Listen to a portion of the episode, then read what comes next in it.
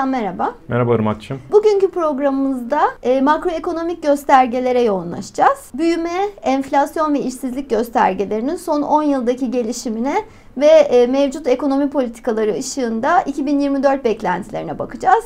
İstersen önce e, ekonomik büyümeden başlayalım. Ekonomimiz e, diğer gelişmekte olan ülkelere kıyasla potansiyeli ölçüsünde büyüyebildi mi? Evet. Bugün daha dediğin gibi daha makro boyuta çekelim. Geçmiş programlarda böyle her alanın demografik veya sektörün altyapısına bakıyorduk. Bugün biraz daha makro seviyeye çekmek istedik e, tartışmayı. Şimdi Türkiye ekonomisi işte e, son yıllarda 10 yılda nasıl e, bir şey yapıldı diye çok bir özetini hem geçelim hem de 2024'te ne olabilir diye. Şimdi zaten sene sonunda geliyoruz. Bunu birazcık inceleyelim. Şimdi hemen bugün yine grafiksel data çalıştık. Grafik 1.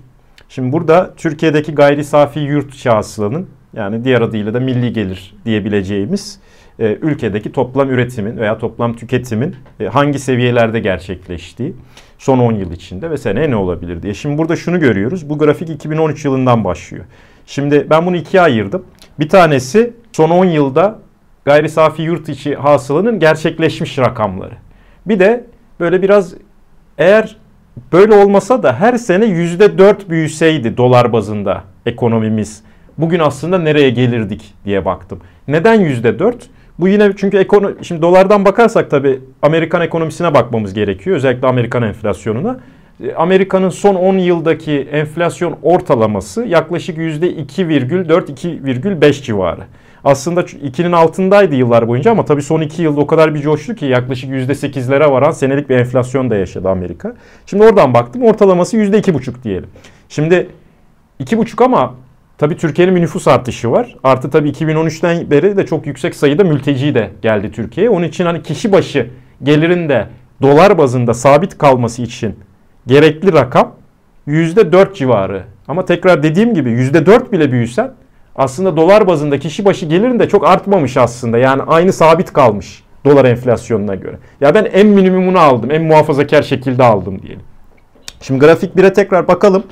Şimdi 2013 yılında 958 milyar dolarlık bir ekonomimiz var. 2013'ten 2020'ye kadar aşağı doğru çok sert bir düşüş görüyoruz dolar bazında Türkiye ekonomisinde. Ya bunun sebeplerine bugün tabi girmeyelim ama ana sebeplerinden bir tanesi dünyada belki işte e, parasal bollaşmanın artık hani önüne geçilmesi, e, para arzlarının biraz düşmesi ve faizlerin yavaş yavaş yukarıya doğru çıkması diye değerlendirilebilir. Ancak tabi Türkiye özelinde de bir sürü sorunlar var ama bugün ona dokunmayalım. Sadece rakamsal olarak 2020 yılında geldiğimizde 720 milyar dolara düşmüş gayri safi yurt içi hasılamız. 958'den 720'ye düşmüşüz. Yani bu inanılmaz bir düşüş. Şimdi aslında Covid döneminde Batı Avrupa ülkeleri falan daralırken Türkiye bambaşka bir rotaya girdi bu arada. Özellikle faiz indirimleri olsun, işte Türk lirasının bir devalüe edilmesi olsun, e, ihracata doğru bir ağırlık verelim diye düşüncelerle beraber e, ve enflasyonist bir politikayla tabii hareket edilerek 2021 yılından itibaren bir büyümeye girdik. 2022 yılı sonunda geldiğimiz nokta 906 milyar dolar. Ama 2013'ten düşüş ne kadar fazla? 958'den 906'ya daha geçen sene girmişiz. Daha bu seneki rakamlarımız yok. Ama yani ilk 3 aya baktığımızda, ilk 3 çeyreğe baktığımızdaki rakamlar sene sonunu belki 1 milyar 50 1, 1 trilyon 50 milyar 1 trilyon 100 milyar dolar civarında kapatabiliriz. Şimdi eğer senelik %4 büyüseydik ama 2023 sonunda veya 2022 sonunda diyelim 1 trilyon 364 milyar dolara varmış olmamız lazım.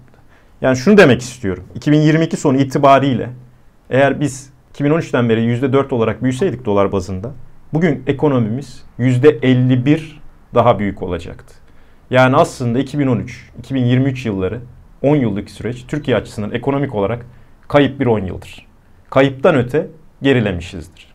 10 yıllık bir süre gerçekten çok büyük bir şekilde heba olmuş. Bunu çok net görüyoruz grafiklerimizde. Dediğim gibi eğer normal bir seviyede büyüyebilseydik bugünkü ekonomik büyümemiz dolar bazında %51 daha fazla olmalıydı. Bu çok büyük bir kayıp. Şimdi politika faiziyle enflasyon arasındaki ilişki çokça konuşuluyor. Ama politika faizleriyle işsizlik arasındaki ilişki biraz satır aralarında kalıyor sanki tartışmalarda. İşsizlikteki artışa böyle ödenmesi gereken bir bedel ya da ekonomi politikasının yan etkisi gibi bakılıyor. Son 10 yılda politika faizleri enflasyon ve işsizlik oranı e, ilişkisine baktığımızda nasıl bir tablo karşımıza çıkıyor? Evet, burada da yine iki nolu grafik. 2013 yılından bugüne faiz, enflasyon ve işsizlik rakamları. Buradaki işsizlik sene sonu işsizliği ve sağ eksendeki rakamlar. Sol eksense tüfe yani tüketici enflasyonu yıl sonunda ne olmuş? Bir de politika faizi sene başında o senenin başında neydi? Yani bu şu demek mesela 2020 yılının başında 1 Ocak'ta politika faizi neydi? O sene sonunda misal enflasyon ne oldu? işsizlik ne oldu diye. Şimdi şunu görüyoruz. Misal politika faizi 2013'ten e, yaklaşık böyle bir 2018'in sonuna kadar 3 aşağı 5 yukarı sabit gitti.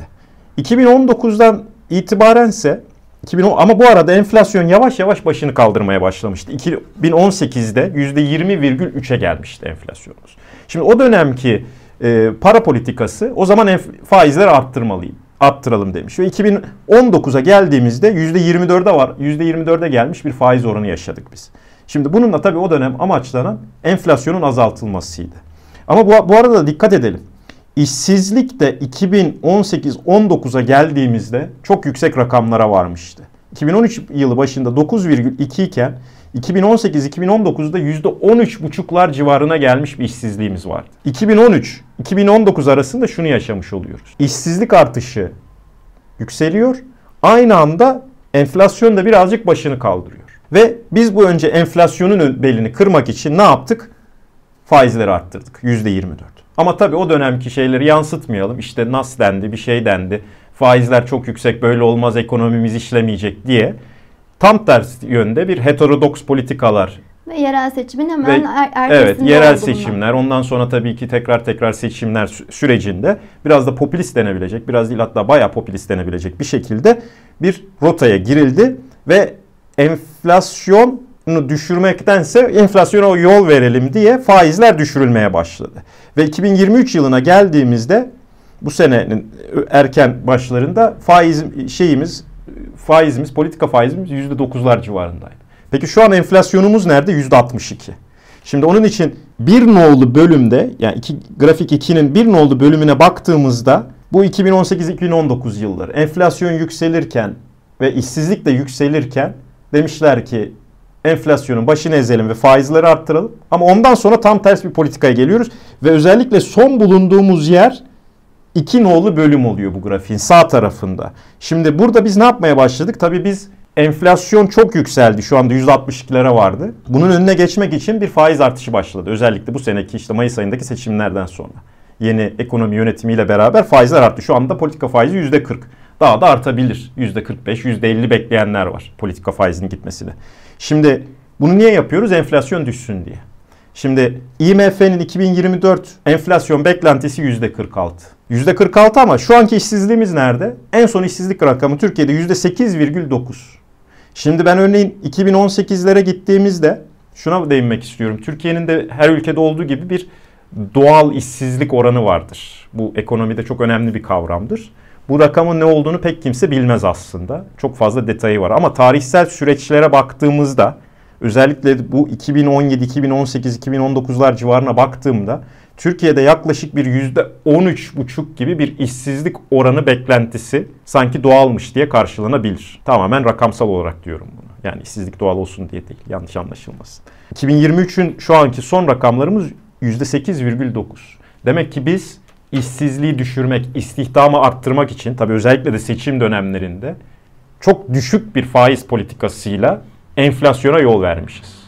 Şimdi enflasyonun belini kırmak istiyoruz diye faiz artırıyoruz. Bu da doğal olarak ekonomide frene basmak demek. Ekonomide frene basmak ne demek peki? Bunun sonucu işsizlik olacaktır. Hem talep düşüyor olacaktır ama daha da önemlisi işsizlik artacak. Peki bu nereye gidecek? Şimdi çok basit bir şey söyleyeyim. Eğer biz doğal işsizlik oranına doğru dönersek 2017, 18, 19 civarlarındaki %13,5 işsizliğe ulaşabiliriz.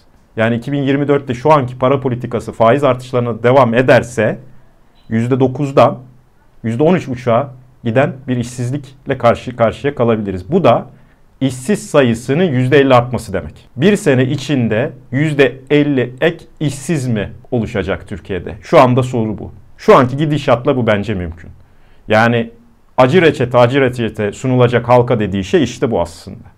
İşsiz sayısının %50 oranında artması riski. Gerçekten çok çarpıcı bir e, öngörü bu.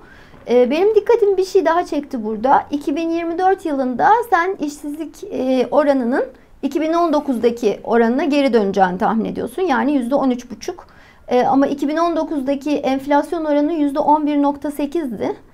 Ama 2024'teki öngörün %46. Yani işsizlik oranı e, 2019'la aynı iken enflasyonun 2019'un 4 katına yakın olduğunu bir senaryo öngörüyorsun. Bunun sebebi ne? Niye enflasyonla başa çıkamıyoruz? Evet. Yani aslında şunu söylüyorum. Hem işsizliğimiz, işsiz sayımız %50 artacak hem de enflasyon öyle insanların beklediği kadar çok düşmeyecek. Yani yüksek enflasyon ve yüksek işsizliğe maruz kalacağız. Bunu da aslında ben söylemiyorum. Ee, özellikle şimdi 3 nolu grafiğe bakalım. Bu ekonomide 20. yüzyıldaki en çok tartışılan, makro seviyede en çok tartışılan grafiklerden bir tanesi. Bunun ismi Phillips eğrisi. Ee, bunu ilk çıkartan Bill Phillips diye Yeni Zelanda asıllı bir ekonomist ama as, esas akademisyenliğini de ikimizin de mezun olduğu London School of Economics'te yaşamıştır. Bill Phillips şöyle bir korelasyon yani bir ilişki ağı görmüş. İşsizlik ve e, enflasyon arasında tarihsel rakamlara baktığında. Eğer işsizlik oranı düşerse enflasyon yükseliyor veya tam tersi arada bir bağ kurmuş. Yani tersinden de bakarsak enflasyonun yükseldiği dönemlerde işsizlik düşer veya enflasyonun düştüğü dönemlerde işsizlik artar demiş. Burada misal kısa vade Philips eğrisi bunlar. Ama tabii ondan sonra burada çok büyük bir kritik getiriyor Robert, Robert e, Lucas. E, Nobel ödüllü bir neoklasik alandan gelen bir iktisatçıdır kendisi. O da şunu diyor. Bu tarihsel ilişki bağı ancak kısa vadede oluşur. Çünkü insanlar rasyoneldir. Yani devamlı enflasyon yaratarak siz devamlı işsizliği sonsuza kadar düşüremezsiniz aslında diyor. Robert Lucas'ın en büyük söylediği şey zaten bu. Sürpriz enflasyon işsizliği düşürür. Bir yerden sonra o sürprizler bitip de insanlar rasyonel bir şekilde artık enflasyon zaten devamlı artacak diye düşünürse siz enflasyonu arttırarak işsizliği düşüremezsiniz. Veya tam tersi. Enflasyonu e, düşürmek için işsizliği arttırsanız da bir işe yaramaz. Şimdi şöyle açıklayalım buradaki grafiği. Biraz teknik ama bence seyircilerin ilgisini çekeceğini düşünüyorum. Şimdi buradaki mavi çizgiler, eğriler bunlar kısa vade Philips eğrileri. Alttaki olan orijinal pozisyonumuz diyelim. Yani ilk dönemde misal bir e, enflasyon ve işsizlik arasındaki bağ gösteren. Burada görüyoruz işsizlik düştükçe enflasyon düşüyor veya tam tersi enflasyon işte e, enflasyon e, arttıkça işsizlik düşüyor. Burada örneğin A noktasından başlayalım. A noktasında misal politika yapıcı diyor ki ben sürpriz bir enflasyon yaratıp işsizliği düşüreceğim diyor. Ve evet A'dan B'ye gidiyorsunuz. Bu süreçte ne oluyor? Siz enflasyonu arttırıyorsunuz. Misal düşük faiz politikasıyla Türkiye'nin uyguladığı. Ve bu arada gerçekten işsizliği de %13,5'lardan %9'lara kadar indiriyorsunuz. Ama Robert Lucas'ın kritiği şunu der. Bu geçici bir şeydir. Bir yerden sonra insanlar artık sürprizlere alıştıkça bunu kanıksar ve artık yüksek enflasyon zaten bekleyeceği için B'den C'ye doğru gidersiniz ve yeni bir Philips eğrisi oluşur. Bunların olduğu nokta da bu kırmızı enflasyonu hızlandırmayan işsizlik oranı. Buna doğal işsizlik oranı da denebilir. İngilizcesi Nairu diye kısaltma veya uzun vade Philips eğrisi. Yani aslında şu söylenir. Evet kısa vadede sürpriz enflasyonla işsizliği düşürürsün ama uzun vadeye geldiğinde bunun yaratacağı tek şey B'den C'ye geçersin. Ve insanlar e, tekrardan hem aynı işsizlik oranına geri döner. Türkiye'deki %13,5 görünüyor bu. Ama enflasyon da yüksek olur. Bu da %46'ya tekabül ediyor. Onun için 2024'de ben baktığımda %45-50 gibi bir enflasyon düşünebiliriz. İşsizlik oranı da bu seviyelerde %50 yeni işsiz oluşabilir. Ve %13,5 civarı bir işsizlik oranına gelebiliriz. Peki neden oluyor bu? Bu da yine para ilizyonu dediğimiz bir şeyden. Siz enflasyon yarattığınızda bir anda misal çalışanlara yüksek ücretler veriyorsunuz değil mi? İnsanlar da o kağıdın değerine bakıyor. O işte 3 bin lira alıyordum 10 bin lira alıyorum şimdi deyip o zaman iş gücüne katılmaya başlıyor. Yani bir teşvik oluşuyor iş gücüne katılıp istihdama katılmanın, çalışmanın. Ama bir süre sonra şunu algılıyor. Bu enflasyon yedi bitirdi. Yani bugün zaten görüyoruz. Bu kadar askeri ücret zammı yapıldı. ve insanlar iş gücüne katıldı bu arada. Çok yüksek bir istihdam artışı ve işsizlik düşüşü yaşadı Türkiye son birkaç yılda. Ama şimdi görüyoruz ki misal İstanbul'da siz asgari ücretle bir artı bir daire bile kiralayamaz bir haldesiniz. Açlık sınırının altındasınız. Ve çalışanlar bunu gördüğü zaman bu para illüzyonu yıkılıyor. İşte o zaman bu B noktasından C noktasına geliyoruz. Kısaca özetlemek gerekirse 2024 yılında Türkiye'yi bekleyen şey şu anki faiz politikası daha da arttırılırsa çok yüksek bir işsizlik yani %50 yeni işsiz katılabilir işsiz ordusuna ve enflasyonda öyle insanların beklediği kadar öyle tek hanelere falan veya %10'lara falan 15'lere gibi hiçbir şekilde düşmez. Maalesef bunu Latin Amerika'da Arjantin'de yaşadı. Aynı Türkiye'den geçen noktada yaptılar. Onlar da büyük faiz artışlarına gitti ama sonu hem enflasyonu durduramadı, koptu gitti enflasyon ve yüksek faizle üretimde zarar gördü ve insanlar da faizi benimse, yüksek enflasyonu benimsedikçe iş dünyasından da çekildi ve yüksek bir işsizlikle boğuşuyorlar. Maalesef şu anki rotada büyük değişimler yaşanmazsa Türkiye'yi de bu tür bir senaryonun Türkiye'nin de bu tür bir senaryoyla karşılaşması çok yüksek bir risk. Ozan teşekkür ediyoruz. Yine çok fazla e, ana akım ekonomi programlarında karşılaşmadığımız işsizlik sorununa değindik. Seyircilerimizden de görüşlerini bekliyoruz. Haftaya görüşmek üzere. Görüşmek üzere.